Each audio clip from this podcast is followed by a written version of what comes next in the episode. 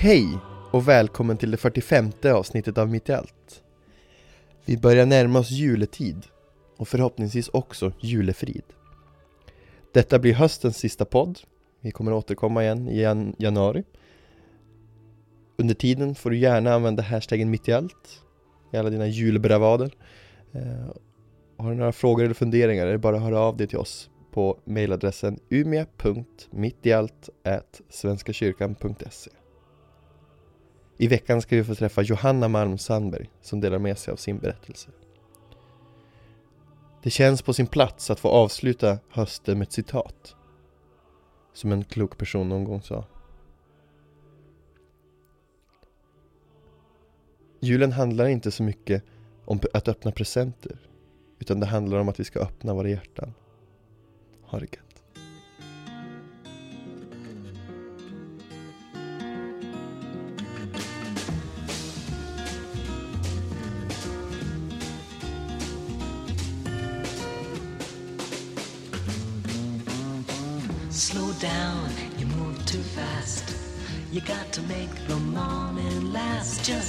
Kicking down the cobblestones, looking for fun and feeling groovy.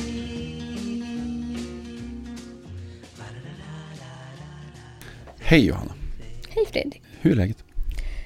Det är bra. Ehm, jag har känt mig lite stressad att komma hit i tid. Men Jaså, annars gick det bra. Det är faktiskt ganska bra med mig. gött. Mm. Det känns skönt att jag har gjort bort typ allt med plugget egentligen. Det är bara en inlämning i veckan. För förra veckan var ganska dryg. Så det känns skönt. En lugnare vecka nu då? Det känns bra. Bara hålla sig i skolan så är det lugnt? Typ. Gött. Mm. Eh, hur, har, hur såg förra veckan ut då? Ja, eh, jag hade typ två inlämningar tror jag. En filosofi som var riktigt, riktigt dryg. Typ fem av fyra. Ehm, ja. Mm. Ehm, och sen så hade jag också lite med kåren. Elevkåren. För jag är elevkårsordförande. Oj, oj, oj. Mm. Eh, och sen så var det också lite med EGP. Eh, och någon här, EUP, vad är det? Europeiska ungdomsparlamentet. Okej, du Som sitter jag- där? Ja, eller jag var med i skoldelegationen. Men nu har vi som bytts ut. Så det var det vi gjorde och sen så hade vi, vi har ja, men pratat lite grann om typ framtiden och så vidare. Så vi ska ha någon EU-dag som vi ska gå på och sen så vara med på några andra sessioner kanske i framtiden. Om man vill det. Det låter som en rätt fullmatad vecka. Ja, det var det. Eh, men eh, den var rolig också var det. Jag tycker det är roligt att göra mycket. Förutom alltså, när det gäller typ inlärningar i skolan som man sitter sent sista kvällen för att man har skjutit upp det. Mm. Det tycker jag inte är jätteroligt. Men allt annat tycker jag är roligt. Mm. Så det känns skönt att bara ha en sak i veckan. Skönt. Mm. Ehm, varför skjuter du upp saker? Alltså, Jag brukar faktiskt inte skjuta upp saker. I alla fall inte när det gäller skolan, utan då brukar jag mer skjuta upp så här att jag ska träna eller någonting. Men eh, nu, trean, har det känts lite jättedrygt och jag har varit skoltrött. Och, eh, så då har det varit enkelt på något sätt att skjuta upp det. Och göra andra saker som jag tycker är roligt istället. För det känns som att jag har släppt lite. Att jag har pressat mig själv så jävla mycket. Um, så det känns som att jag har släppt det lite i och med att det är sista året och att jag har liksom insett att jag kanske ska ta det lite lugnt. Um, så ja, jag vet inte. Då har det varit enklare att skjuta upp saker även om det inte blir asbra. Att man gör det. I slutändan liksom. Ehm, jag har själv varit sån genom alla, alla mina utbildningar som, jag som inte kunde klara av att göra någonting förrän det varit lite press. Mm. Då har jag liksom steppat upp och kunnat göra uppgifterna. Så, och därför har det ganska, funkat ganska bra för mig att skjuta upp. Mm. Ja, alltså jag tycker inte att det funkar superbra att skjuta upp för mig. Ehm, men jag håller med dig där när du säger att man steppar upp när man känner sig lite pressad. Eh, dock känner jag mig, eller har väl känt lite press för mig själv ganska ofta när det gäller skolan. Mm. Alltså allmänt. Ehm, så då blir det enkelt på något sätt att känna press och steppa upp direkt. Mm. Och jag har också tyckt att det var väldigt viktigt. Liksom bara göra bort det så fort som möjligt egentligen. Men det blir som att det alltid blir kvar lite granna. Men nu, ja men som jag sa i trean så känns det som att det, det är ändå bara sista året typ och jag har släppt lite granna. Så då tar jag liksom lättare på att skjuta upp det till sista dagen. Men eh, det är ju ett intressant. Mm, Är det ett aktivt beslut att, att lyfta den pressen från dig själv? mm det är det. Hur, berätta. Ja, det är väl någonting som jag alltid känt. Eh, det här pressen, ända sedan jag var liten. Att pressen att mina föräldrar ska gilla mig, pressen från mig själv att andra ska gilla mig och att jag ska vara bra i skolan och vara snäll och göra bra beslut. Och... Men prioritera rätt saker typ. Lite så här pressen att vara perfekt. Ehm, och En tuff press mm, att leva med. och det vill egentligen inte vara... Jag har tänkt på det jätte- jättemycket. Och eh, egentligen började jag väl tänka på det efter konfan. Min konfa för tre år sedan. Jag Ja. tror det. Ehm, men, nej, men jag har tänkt på det mer och mer och framförallt sista året. Och det var det jag tänkte på, det, eller det enda jag tänkte på innan jag skulle gå in hit nu, att jag ska prata om det. Mm. För att det känns som att dels vill jag ha det för mig själv. För att det känns som att jag har, jag har börjat släppa det mer och mer. Och insett att till exempel mina föräldrar är inte perfekta, utan de är bara människor. Eh, och precis samma sak med alla andra människor som jag möter. Eh, men också för att det känns som att det är en sak som vissa pratar om det mycket och vissa pratar inte om det alls. Mm. Och jag tycker att det känns som att man måste prata om det mer så att färre känner så på något sätt. Så därför tänkte jag att nu när det snart blir skolval och jag ska gå ut trean och vet inte riktigt vad jag ska göra med mitt liv. Och allmänt bara alla. Ehm, att det kanske inte, men att det är värt att prata om på något sätt. Och det känns som att Ja men det är någonting jag vill prata om ändå. Det. Men du har ju, det är naturligtvis 100% sant det du säger. Eh, Mm. Mina föräldrar är inte perfekta, de är bara människor. Men man växer ju upp med Ja. bilden att mamma och pappa är perfekta. Mm. Eh, hur, hur påverkar den insikten dig och hur, hur, hur, hur har du... Ja, alltså.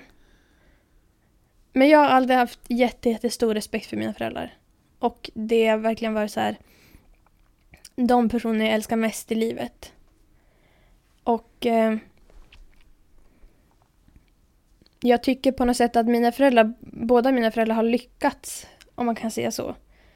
Eh, för mamma är doktor har väl lyckats ganska, eller väldigt bra akademiskt. Mm. Och det är någonting som jag tycker är väldigt viktigt. Ehm, och sen så pappa, han, han är ju som entreprenör och gör väldigt, väldigt många olika saker. Ehm, och jag är också väldigt lik min pappa. Och han har ju också sett är väldigt så här perfekt i sättet han bemöter människor, att han alltid hjälper till, och att han alltid gör saker. Um, och jag har väl inte, in, eller jag insåg för, med typ för ett år sedan då, eller för två år sedan, att de inte är perfekta. Och det var väl mer typ när jag började prata med dem mer och mer om hur jag kände och sen så insåg jag att men de kan känna samma sak. Um, det här med att man vill vara perfekt eller att man är rädd för döden eller, eller sådana saker. Och det blev, det blev, det blev dels jätteskönt. Eh, för att då började jag liksom minska pressen på, på mig själv. Eh, för att jag insåg att de två människorna jag ser upp till mest i världen inte är perfekta. Och då känns det som att men då är ingen det. Riktigt. Eh, och då blev det som en tyngd lyftes. För att om de människorna jag ser upp till mest i världen inte är perfekta, varför måste jag då vara det? Så det var... Det var på något sätt väldigt skönt att inse det och jag tror att men även om jag insåg det, kanske att de inte var perfekta för ja, men typ ett, två år sedan, så har jag ju, det var då jag började tänka på det. Eh, men det känns som att det är först nu, de senaste veckorna, som jag verkligen har känt, men vänta, dels att jag behöver verkligen inte vara perfekt. Jag behöver inte få A eller B i alla ämnen. Jag behöver inte ha jättemånga kompisar och jag behöver, alltså jag är liksom inte skyldig någon annan någonting. Det är liksom, jag, jag är här för mig själv och jag lever för mig själv och, och eh, jag är bra som jag är på något sätt och det är, alltså jag tycker att det är jättesvårt att prata om på ett sätt för att det låter så himla cheesy allting. Jo, Men eh, det kan ju göra det. Ja, men det är okej. det- Det får göra det. Ja, men exakt. Men jag tycker att det är, jag tycker att det är väldigt skönt. Där. Och jag, ja, men för att det är så skönt att börja inse det. För att jag har jag tycker att jag har haft ganska svårt med mig själv till och från. Och det har varit jobbigt. Ehm. Så det är skönt. Men alltså. Ja men dels. Eh, precis som alla andra flickor i tonåren. Generaliserat. Ja. Med kroppen. Mm. Har jag haft jättesvårt med. Ehm. Och ibland har jag velat gå upp i vikt och ibland har jag velat gå ner i vikt. Men det har, alltid, det har aldrig liksom varit bra. Um, och det har varit jättesvårt. Um, Och där har jag också jämfört mig med, med andra väldigt mycket. Bland annat när det gäller min brorsa. För att jag, jag jämför mig oftast med, eller mest med de som är närmast runt omkring mig. Um, och han är en sån här typisk fotbollskille som är jätte, jätteduktig och jättevältränad. Och det är något som också... Men jag sätter värder... Jag tycker att det är så himla sjukt men jag sätter värderingar i hur kroppen ser ut på något sätt. Och det är också börja ifrågasätta. Liksom att varför ska en sätta värderingar i hur ens kropp ser ut eller hur vältränad eller inte vältränad man är. Mm, men också det här med som jag sa tidigare att jag satt press på mig själv. Mm. Och då är det väl framför allt när det gäller betygen. För att det har varit som att ja, men jag är inte bra nog om inte jag får ett A eller B. Och när jag väl har fått ett A eller B så har det varit så här, bara, ja men du kunde ändå ha gjort bättre. Ehm. Och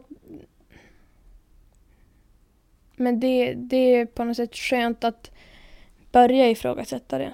För att även det är inte bra vissa dagar. Ibland tycker jag att det är jätte, jättesvårt och ibland är allting bara skit. Men det känns på något sätt skönt att också känna att men det kommer bli bättre. Ehm, och det behöver inte vara så här och det borde inte vara så. För att det kände jag inte tidigare. Då kändes det bara som att det... Men... Men att det är så... Du kommer inte komma någonstans i livet och det kommer inte bli någonting av dig och det... Det kommer bara fortsätta vara skit tills du får de där bra betygen eller tills du får den där kroppen eller... Mm. Tills det är bra nog. Det, det... Men det är på något sätt skönt men ändå jobbigt. Att eh, börja tänka på det. Och det var jobbigt också nu när jag tänker på att jag ska ta studenten. Eh, när det gäller med skolan för att jag känner att jag har fått bekräftelse. När det gäller mina betyg. Ehm, och på något sätt då också på något sätt blandat ihop mig själv och mitt självvärde i pre- mina prestationer. Och det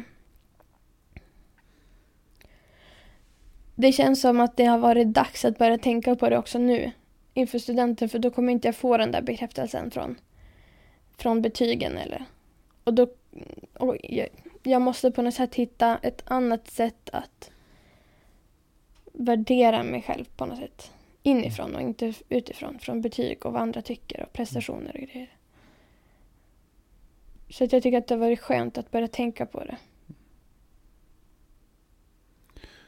Det låter nästan lite grann som, som de beskriver. Alltså, idrottsstjärnor Mm. som slutar med det de har varit kanske bäst i världen på. Eh, och, och hur... Men vad händer med mig när jag inte längre kan prestera Mm. i min sport, eller i det här fallet då, i, i skolan? Det blir lite identitetssökande Ja. nästan. Mm.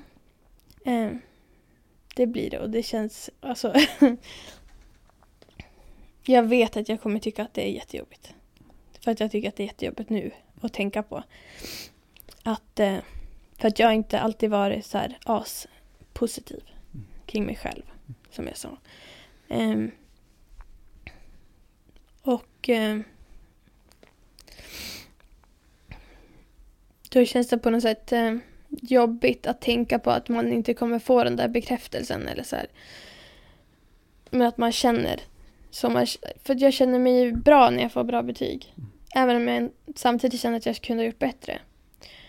Och då känns det jättejobbigt att tänka på att den på något sätt bekräftelsen kommer tas bort från en. Mm. Och då blir det som att man tänker också, vem är jag utan mina prestationer? Mm. På något sätt. Vilket är jättejobbigt. Hello, lamppost, what you knowin'? I come to watch your flowers growin'. Ain't you got no rhymes for me?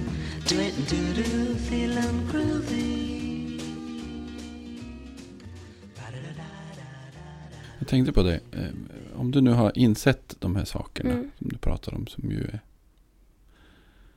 goda reflektioner om dig själv. Eh, Mm. Och så är det här en, en process som du lever i och jobbar med. Och, och du väljer att liksom släppa taget lite grann om skolan. Och det gör inte så mycket om, om betygen inte är som de har varit. Och det är ju... Ja, men, det är nog en inställning som fler kunde må bra av att leva med. Mm. Men vad händer då när det där betyget kommer och inte är så högt? Som det kanske har varit. Mm. Alltså, hur funkar det att leva i den processen? Eh, ja, det, det är både upp och ner.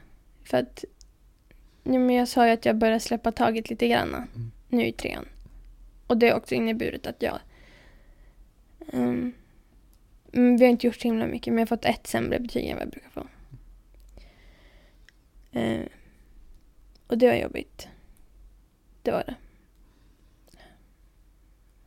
Och det känns som att även, i vanliga fall på något sätt, även om jag släpper taget så brukar det ändå gå ganska bra. För att även om inte jag känner den här pressen att jag måste leverera så blir det som samtidigt, för jag tycker väldigt mycket om att lära mig och jag tycker om skolan. Men det är samtidigt så här, bara när man inte får det betyget så blir det jobbigt.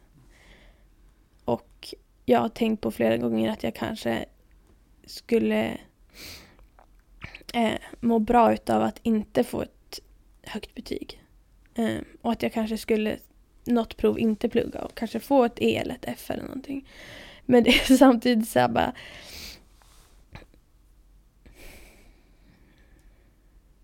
Det är så himla löjligt men bara alltså tanken på det gör jätte, jätteont.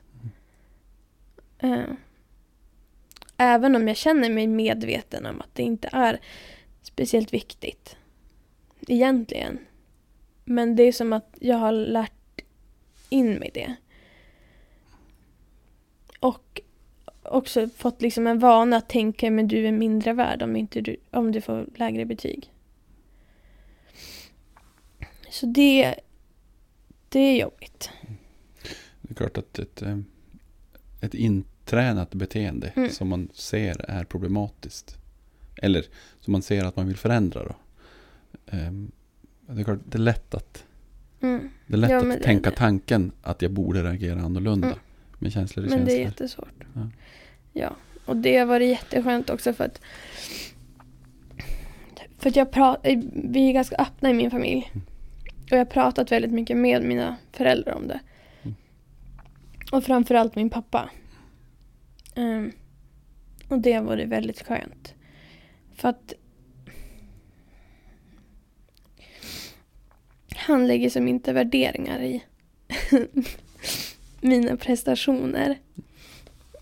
Ehm, och vi är också så här, men vi är väldigt lika och vi tycker saker, likadana saker är jobbiga som Mm. döden och så här existentiella saker. Och att man missar saker med familjen. Mm. Men nej, det har varit väldigt skönt. Ehm, att inte behöva känna den pressen. Mm. Och att kunna reflektera över det. Liksom med honom. Mm. Och samma sak med min mamma. Ehm, så det, det har varit otroligt skönt. Har det varit. Och samtidigt liksom säga också att till dem, typ att jag vill inte att ni frågar mig om skolan. Eller jag vill inte att ni sätter värderingar jag kommer hem med ett A eller ett C eller ett E eller någonting.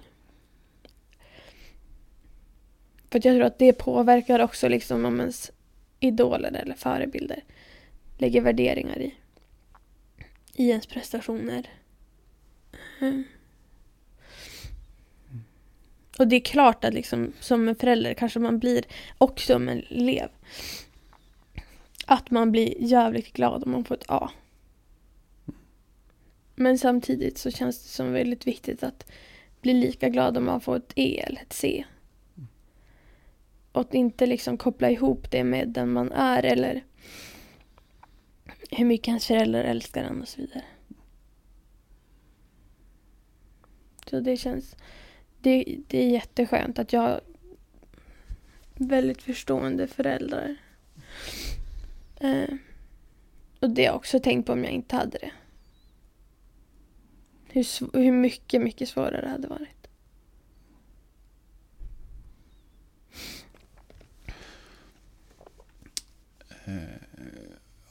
Har de här eh, eh, den här förändringen, den här processen Mm. hos dig eh, lett till någon konkret skillnad? Eh, Lever du med det i tanken? Eller, eller har det börjat förändra ditt sätt att vara? Har du gjort någon konkret förändring? Alltså dels har jag väl...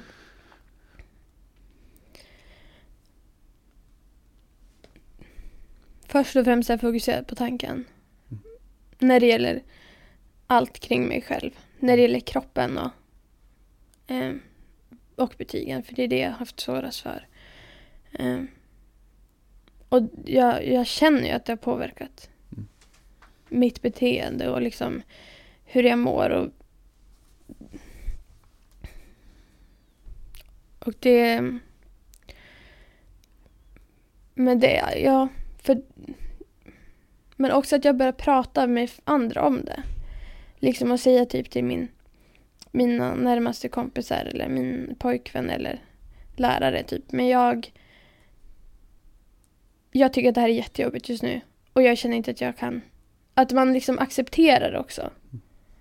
Att man känner som man gör. Eller mm, typ, men jag känner det är jobbigt med mig själv idag. Ehm, och eh, jag skulle kanske behöva lite extra pepp. Eller det är jobbigt med den här inlämningen nu för att jag känner att jag får bara en massa ångest över det. Och eh, jag behöver lite mer tid. Och sen så...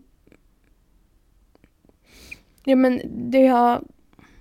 Det har varit väldigt skönt också för det har tagits emot väldigt bra. Ehm, och sen så har jag ju börjat... Men typ efter jag har gjort en inlämning eller ett prov eller någonting. Så bara försöka ändra tankarna. Mhm. Att Berätta. Ja men innan jag gick in för prov, alltså alltid så har jag tänkt så här, men det kommer gå skit. Um. och vissa gånger har jag naturligtvis tänkt på men du kan det här, det här kommer gå så jäkla bra. Uh. men det är liksom alltid efteråt. Uh. att jag tänker typ, nej men det här gjorde du inte bra. Du svarade fel på den där frågan, det vet du och du var helt värdelös. Ehm, och samma sak när det gäller ja, men kroppen, att man men att man ser sig själv på några bilder eller eh, i spegeln. Och så blir det som en, en annan... För det är som att jag har en annan bild av mig själv och min kropp i huvudet. Att jag tänker liksom att jag är...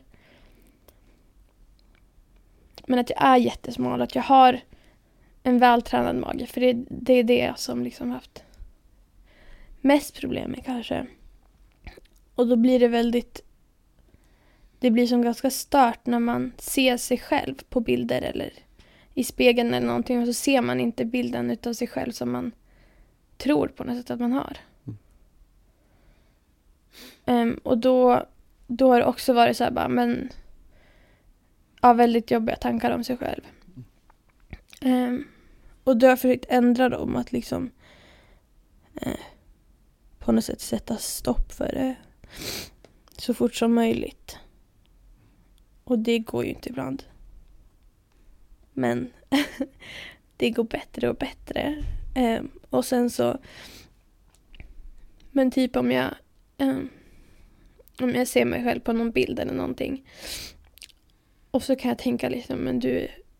Ja men... Ja. Men att jag inte tycker om det jag ser liksom. Eh, och då har jag försökt liksom dels att tänka på någonting annat. Bara, men ja, din sminkning var skitsnygg ändå. Eller eh, du har jätte, jättefina ögon hur som helst. Alltså någonting som inte är liksom med hela, eller de problemområdena jag tycker. Utan jag fokuserar på någonting annat positivt istället. Och samma sak att jag har börjat tänka men hur du ser ut i kroppen det har ingen betydelse för vem du är. Och det definierar inte dig. Eller egentligen så finns det ingen värdering i hur din kropp ser ut. Utan det, det är liksom bara någonting som är konstruerat utav samhället. Eh, och samma sak med betygen. att Även om du får sämre betyg så så betyder inte det att du är smartare eller dummare än någon annan. Utan det kan inte definieras utav ett prov som alla tar likadana prov och det är en betygskriterie som bara passar en viss typ av personer. För att jag tror också att vi är så himla olika. Att det går inte att definiera liksom hur smart man är utifrån ett prov som är likadant för alla. Kanske allra helst inte eh, vårt, vårt människovärde. Exakt. Så, ja men jag... För det är det jag tycker har varit svårast, liksom att förändra hur man tänker. För det är också någonting som är... Du har en vana och det är inlärt. Mm, och eh, nu försöker jag som lära om mig. Och det är just jättesvårt. Men det går ju. Och det känns också som att det... Det... Mm, det blir på något sätt som hoppfullt att det går att ändra. Att det går att sluta värdera sig eller se sitt självvärde utifrån prestationer. Att det, jag menar att det går att ändra. Det känns, det känns väldigt, väldigt skönt. I got no deeds to do, no promises to keep. I'm dappled and drowsy and ready to sleep. Let the morning time drop all its petals on me. Life, I love you, all is groovy. Du nämnde byter vi spår lite grann. Mm. Fast ändå inte. Eh, du nämnde att din, din, eh, din konfa Ja. var en del i den här processen. Mm. Eh, vad hände där? Ja, alltså. Jag. Precis som ja, men det jag har sagt, att jag mådde dåligt med mig själv innan. Med kroppen och prestation, prestationer. Att jag, eftersom jag alltid har lagt värde i det. Och, eh, men jag kände mig också så här väldigt ensam. För att då hade jag också fått för mig att om man inte liksom har många vänner eller en partner så minskar också ditt värde. Mm. Och jag hade inte jättemånga vänner. Jag hade några få nära, vilket jag nu inser är, betyder mycket, mycket mer. Ehm, nej men jag kom i alla fall till konfan och då hade jag väl, jag hade inte tänkt att gå och jag hade inte packat dagen innan och det var väl min kompis som övertygade mig egentligen. Um, men sen så kom jag dit och det var... Men det var, det var som att... Lite som att det hade varit suddigt innan. Och sen så blev det som lite tydligare. Och sen så började det bli mer tydligt. Ehm, för att det var som att vi pratade om saker som jag inte hade pratat speciellt mycket öppet om tidigare. Om livet, om genus och feminism och normer och självkänsla och självförtroende. Ehm, och om kristen tro då. Och det var som då... Ja, men jag... Lite som en vändpunkt för att jag började liksom tänka. Jag har alltid varit en sån som så här, överanalyserar allt, tänker svin mycket men det var som att jag började tänka på ett annat sätt. Ehm. men om mina värderingar, vad jag tyckte var rätt och fel. Mm. Och eh, men typ livet också att man kan, eller det är bra att tycka om sig själv och man kan göra det. Ehm. Och att det blev, jag kände också en, en, en känsla av en större gemenskap. Som inte jag hade känt tidigare. Dels i liksom konfagruppen och den lilla gruppen av människor. Som jag hängde med mest. Eh, och eh, allmänt kyrkan. Men sen så, ja, men jag vet inte, jag tyckte att jag kände som en större gemenskap till världen. För det blev som att jag insåg att man, eller att alla är så himla små men vi har som en roll. Och att man betyder någonting ändå. Även om man inte gör någonting jättestort. Mm. Och sen så var det också att jag träffade nya människor. Jag insåg att jag ville bli konfaledare. För att jag ville ge andra det som jag hade upplevt. Eh, Och sen så träffade jag min pojkvän. Vilket var otroligt härligt. Och vi har varit tillsammans sedan dess. Um, och det har också varit jätteviktigt för mig. Har det faktiskt varit. Ehm, inte för att det blir som att jag vill inte lägga värderingen att man ska ha en partner. Men han har men han har stöttat mig och liksom insett det blev som ännu tydligare att jag ja men jag duger. Och han såg, för det är första gången jag haft ett förhållande. Och då blev det som att jag visade mig från alla olika sidor. Från den som bryter ihop två på natten för att hon fick ett dåligt betyg. Hon som är jättestressad och vill göra allting i världen. Eh, till hon som är bra och hon som är jättedålig. Så skriker och arg och hon som skrattar. Um, och det blev som också en bekräftelse på en person som inte jag växt upp med och haft i min familj. Eller som jag inte liksom... Men som inte jag har känt tidigare. Och som på något sätt måste älska mig. Att han ändå kan älska mig. Och det blev det blev också väldigt skönt för det blev som att ja, men då insåg jag det själv. Eller det bidrog liksom till att jag insåg det själv. Och nu känner jag ju det. Och jag tror att jag skulle känna det även om han inte var med. Vilket jag vill att han ska vara men.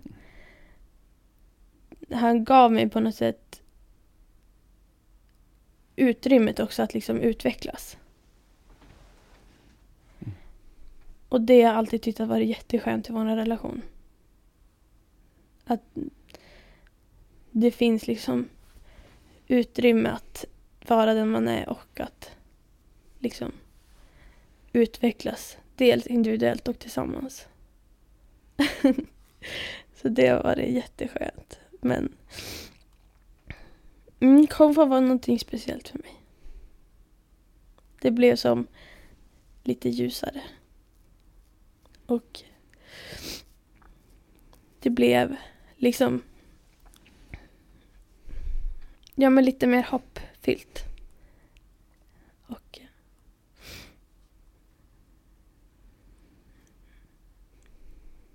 ja men jag fick nog lite mer kärlek i mitt liv. Till mig och till andra.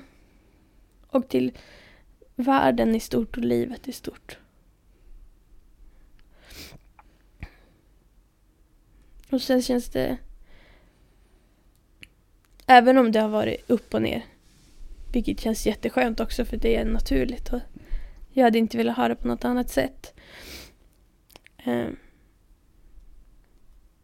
Så känns det ändå som att det går uppåt. Och det går framåt. Det... Det, det är skönt att även om man vet att det kommer gå upp och ner i livet så kommer det ändå gå vidare och det kommer bli bättre. Och det kommer bli sämre, men sen kommer det bli bättre igen.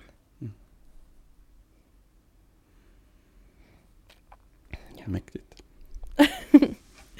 Ja. Ja, men det är mäktigt. Älskar du dig själv idag? Ja, det gör jag. det gör jag. Eh. ja. Det. Det. jag tror på riktigt att det är typ tredje gången jag säger det. Så det gör jag absolut. Har det varit svårt att landa? Eller hur svårt har det varit att landa i det? Eh. Är vi tillbaka kanske där vi började. Men Ja, det har varit... Där var det lite svårt, men... Det är som också att jag på något sätt känt att ibland när jag... För att ibland kan jag verkligen så här... Åh gud vad jag ogillar mig själv den här dagen. Men sen har det liksom alltid varit så här... Ja men Idag kanske inte jag kände att jag gjorde någonting jättebra men jag älskar mig själv ändå. Och det har varit jättesvårt att liksom säga det. För att det blir som så himla löjligt enkelt. Att vara sig själv då. Mm. Men det, det har varit upp och ner. Men det är jätteskönt att inse det nu att ja, men jag älskar mig själv oavsett vad som händer. Och jag behöver inte prestera. Och jag behöver inte ha den kroppen som jag tycker är perfekt. Om man kan säga perfekt. Eh, utan jag kan vara bara jag. Och jag kan ändå älska mig själv. Och det, det är skönt. Mm.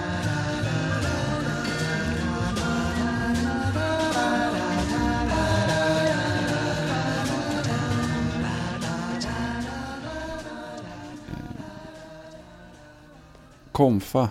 Eh, du pratade om kristen tro och det är ju, Mm. går ju jag igång på såklart. Ja. Hur ser din tro ut? Ja. jag är inte, jag har aldrig riktigt varit helt säker på vad jag tror på. Nej, men Och det, vet jag inte ens om man det kan heter vara. ju tror. Det Ja, heter ju inte exakt. vet. Exakt. Eh, så... Nej men jag tror på någonting större. Och jag tror på att livet på något sätt är för magiskt för att inte ha någonting övernaturligt i sig. Mm. När det gäller kärlek, när det gäller naturfenomen, när det gäller liksom gemenskapen man känner med andra. Ehm. Och också när det gäller typ universum. För att jag alltid tyckt att rymden var jätteintressant. Jag tycker att det är så himla sjukt att det kan ha skapats från typ ingenting. Och att man inte vet säkert helt. Eh, så min tro är väl att men det finns någonting större och vi är del av någonting större. Men exakt vad det är, det vet jag inte. Men vissa, säker är så här, eller vissa saker är jag jättesäker på, typ att det finns änglar. Det är någon så här sjuk sak som jag är jättesäker på. Skyddsänglar typ. För att min mormor har alltid sagt att hon är min skyddsängel.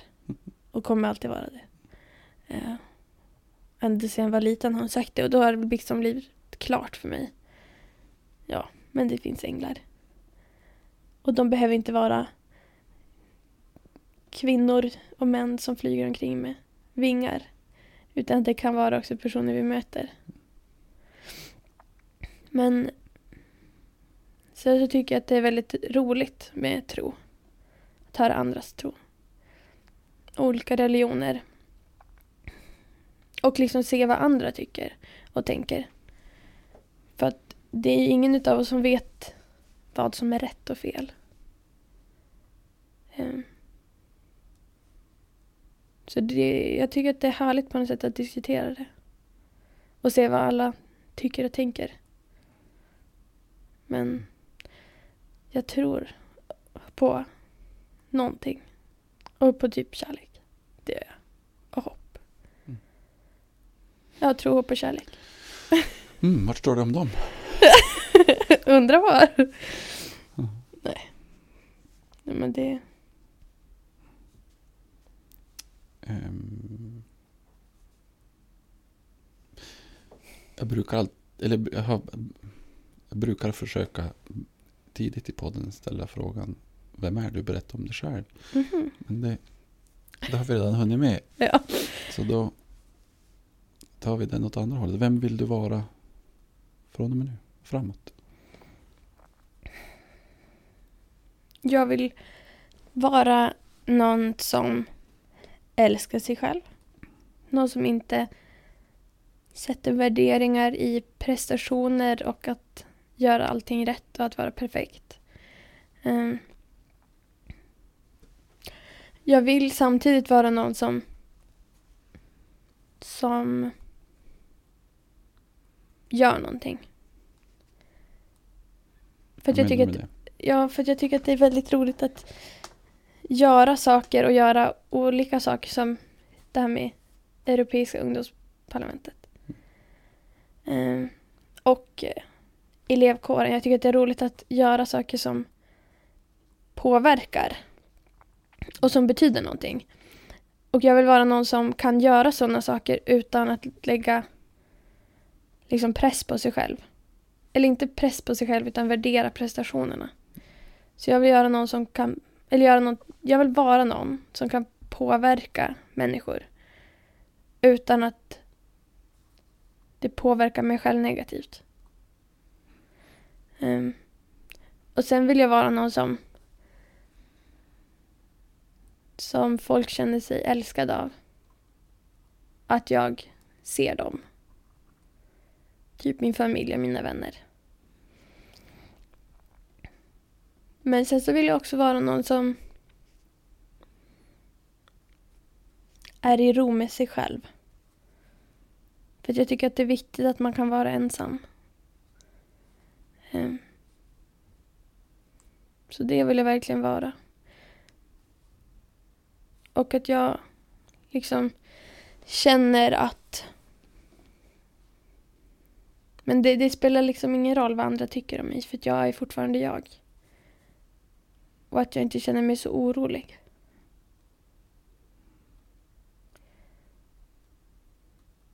Och också hade det varit jätteskönt att inte ha ångest över döden och existensen. Men det är någonting annat. Mm. Men, ja men. Jag vill vara någon som fortsätter från där jag är. Fortsätter framåt.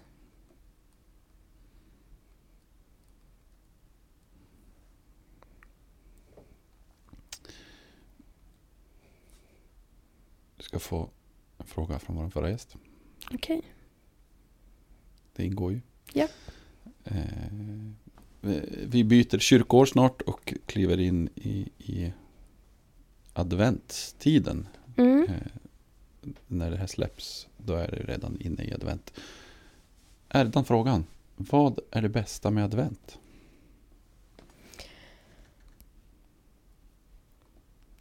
Vi brukar inte göra någon jättestor deal utav advent i min familj.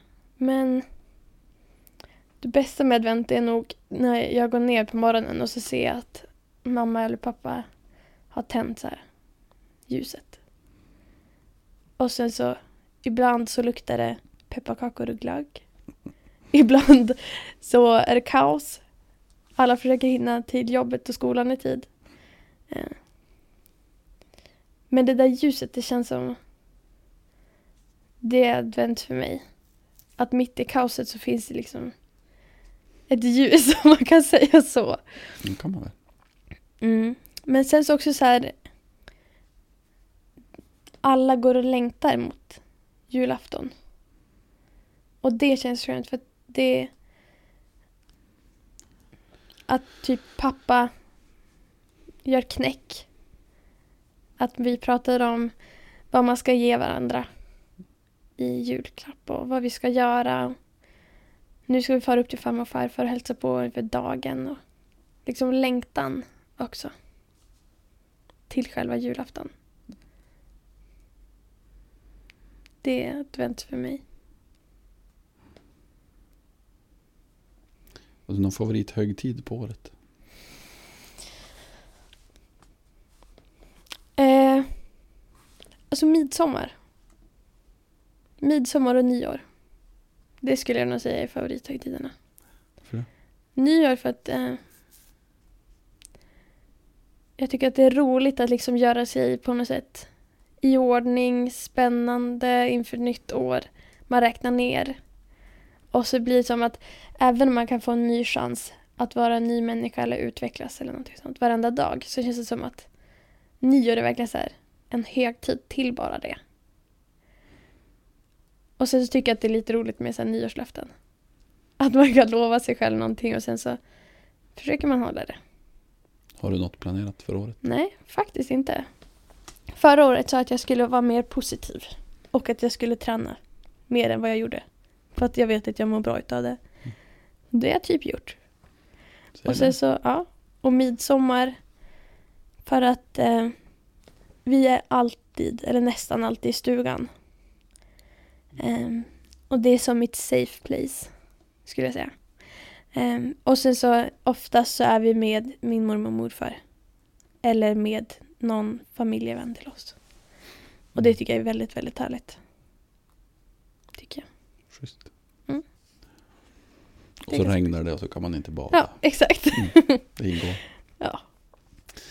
Eh, Du ska få ställa en fråga till nästa gäst. Mm. Min fråga är då, vad är din konstigaste rädsla? Inte, alltså så här jättekonstig, skum. Eh, vilken är din konstigaste rädsla? Anar att du är förberedd på Ja, min, en av mina konstiga rädslor det är att jag klarar inte av höga ljud när jag är själv. Typ att föna håret eller att dammsuga när jag är själv. Det är bland det vidrigaste jag vet. Det. Är ju jättespännande. Vad, vad kommer det här? Alltså, Eh, jag har ingen aning. Helt har, ärligt. har det alltid varit så här? Nej, det har det inte. Alltså kanske typ tre år sedan, två år sedan. Eh, men Vad är det som skrämmer? alltså helt ärligt att någon ska typ krypa upp och mörda mig. Eh, och det tycker jag är jätteobehagligt. Eller, eller okej jag vet, jag kanske vet var det kommer ifrån. När jag fönar håret eller dammsuger då finns det alltid alltså, fönster runt omkring mig. Och när jag var kanske typ sex år gammal på halloween eh, så gick jag ner för trappen. För pappa sa bara oj kom nu, är- nu är det halloweenbarn. Eh, och vi har en glasdörr, ytterdörr. Vilket är bara allmänt jättekonstigt. Och då står det en, en kille där med så här scream-mask. Och det är nog det mest rädda jag har varit i hela mitt liv. Eh, så det kan komma därifrån. Att jag liksom inte hör vad som smyger upp vid fönstret. Och Ja, sen det är så, just, jag tänkte att, ja. att och så står det bara scream-masken där. Jätteobehagligt. Ja. Så det, det är min konstigaste rädsla. Har du många? Är du, en, är du en människa med fobier? Eller? Eh, ja, eller alltså i viss, ja. Mm, ganska många grejer. Som påverkar din vardag? Ja, som jag, jag, vissa saker jag vill ha på liksom ett visst sätt. Det är också en jättekonstig sak. Kanske den frågan jag skulle ställt istället. Vad, vad är det konstigaste du måste göra? Ja, Du kan få svara på den också. eh, när jag skalar apelsiner eller clementiner så är det väldigt viktigt för mig att jag tar bort allt det vita. Utanför. Alltså att Varför jag liksom sitter i typ fem minuter och jag vet inte. Och det gör alla runt omkring mig så himla irriterade. Jag tycker att det smakar så bittert. Jag vill också skala Ja bort men det. alltså det känns som att det, och, och sen så skalar man ju naturligtvis bort liksom så här, skalet från klyftorna och äter varje liten så här droppe för sig själv. Jaså? Gör man? Ja, naturligtvis. Ja, naturligtvis. Speciellt när det gäller clementiner. Intressant det där. Ja. Var kommer våra Ja men det är vad faktiskt? Ja, men både rädslor men också, vad ska man säga? Vill ha det på ett visst sätt. Ja. Ja det är konstigt. Ehm, tiden rinner iväg Johanna. Det är fantastiskt att lyssna. Eh, vi ska, eller jag ska säga tack så jättemycket för att du har valt att komma hit och dela din berättelse. Tack för att jag fick komma hit. Och du ska få avsluta din podd med att du får välja en låt. Och då får du berätta först vilken låt och varför du har valt den. Um, jag har valt Rise Up med Andra Day. Och egentligen hade jag tänkt en helt annan låt när jag gick hit. Eller när jag skulle komma hit. Men sen så efter jag hade lämnat bilen och gick hit så lyssnade jag på den och det kändes som att det var på något sätt den stämningen jag ville ha när jag pratade. Lite så här hoppfullt. Och att man reser sig upp igen. Lite så. Eh, och egentligen är det inte någon låt jag har lyssnat jättemycket på. Men det är något som bara har fastnat. Så jag gillar den. Och jag gillar henne när hon sjunger. Det är riktigt fint. You're broken down and tired of living life on a merry-go-round. And you can't find a fighter, but I see it in you, so we gon' walk it out. Move mountains. We gon' walk it out and move mountains. And I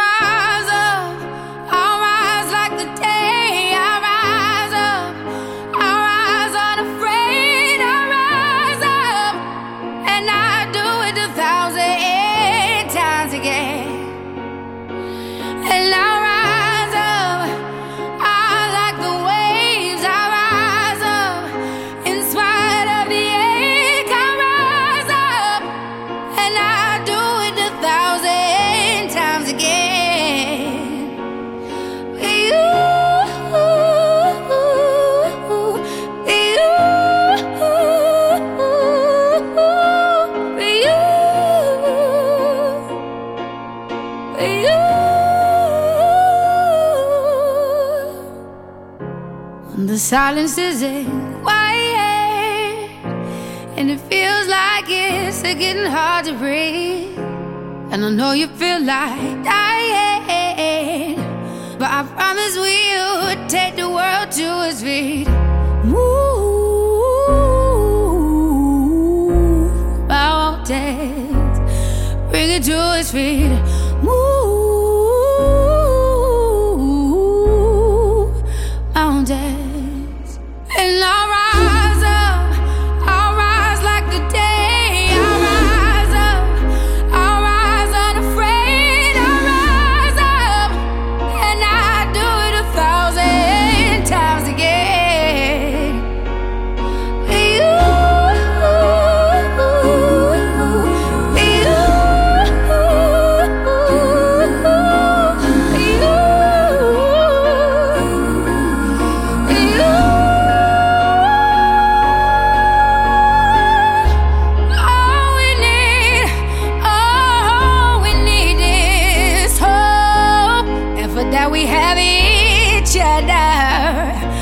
for that we have each other. Yeah.